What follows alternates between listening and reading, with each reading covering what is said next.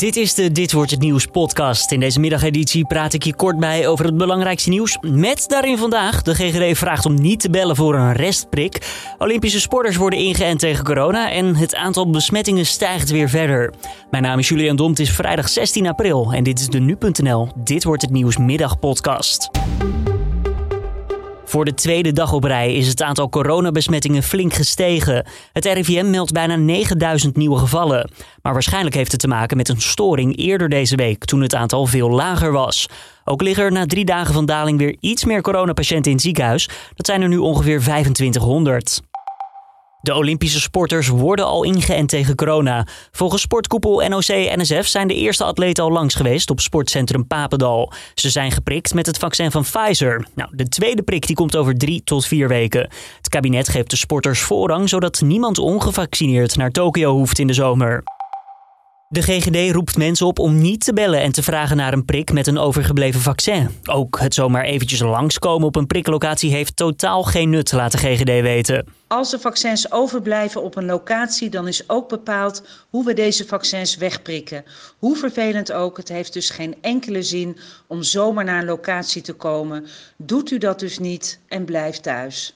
De dienst krijgt veel vragen over de vaccins die overblijven na een prikdag. Nou, er wordt zo zorgvuldig mogelijk gewerkt om verspilling tegen te gaan. Gemiddeld gaat het om 2 à 3 prikken per dag die per locatie blijven liggen. Tennister Kiki Bertens heeft Nederland op een 1-0 voorsprong tegen China gezet in de play-offs van de Billie Jean King Cup. De winnaar van de ontmoeting mag kwalificatieduels voor de finale ronde van 2022 spelen. Ze is blij met de winst, vertelt ze aan de NOS. Uh, ik denk dat het een hele belangrijke start is van dit weekend. Uh, eh, 1-0 voorstaan is, ja, is gewoon een lekker begin. En Aran geeft dat denk ik ook iets meer, uh, iets meer vrijheid zo qua spelen. Het waren een paar zware maanden voor Bertens. Ze kwam begin maart terug nadat ze in het najaar van 2020 aan haar Achillespees werd geopereerd. Ze ondervond daarbij deze wedstrijd gelukkig maar weinig hinder aan.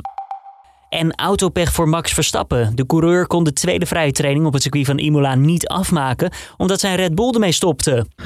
Uh, something broke. Okay. I don't know. Box if you can. Formule 1-verslaggever Joost Nederpelt vertelt wat er waarschijnlijk aan de hand was. En hij ging uh, over de curbstones, dat is die rand van de asfalt, zeg maar. En, en toen meldde hij op de boordradio dat er iets afbrak. Uh, en wat er voor de rest precies kapot is, weten we niet. Ja, Bol zei dat het waarschijnlijk om een aandrijfas ging. Maar hij kon de training in ieder geval niet afmaken. Zaterdag is de kwalificatie in Italië en zondag start de race om drie uur s middags. Dan nog eventjes het weekend weer van Weerplaza. Het is droog, enkele wolkenvelden en een graad of 12 deze vrijdag. En dit weekend ook droog, dan meer zon, ietsjes warmer nog, dan gemiddeld een graad of 14.